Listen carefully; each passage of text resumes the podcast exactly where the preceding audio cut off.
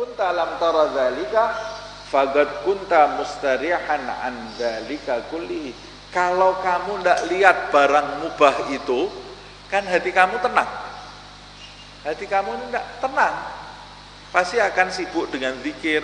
Tapi gara-gara kamu lihat bentuk model HP yang baru, lihat model mobil yang baru, lihat model motor yang baru. Ini setiap orang di sini kan yang diingini beda-beda. Ada yang lihat model makanan yang baru, yang diingini beda-beda. Gara-gara kamu lihat model sesuatu mubah yang kamu sukai itu,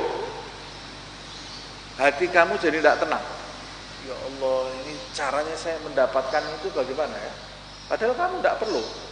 Tapi kamu tergiur mau mendapatkan itu, yang tadinya hati kamu tenang-tenang saja, gara-gara sesuatu yang kamu lihat itu, jadi gundah.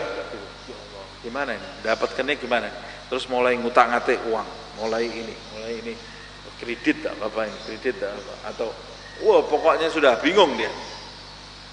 Akhirnya karena bingung memikirkan hal itu, tidur tidak enak, makan tidak enak, diajak ngomong tidak fokus, apalagi zikir, hilang sudah zikirnya. Sholat bayangkan itu, membayangkan sesuatu tadi, padahal itu sesuatu yang ubah, bukan yang diharamkan.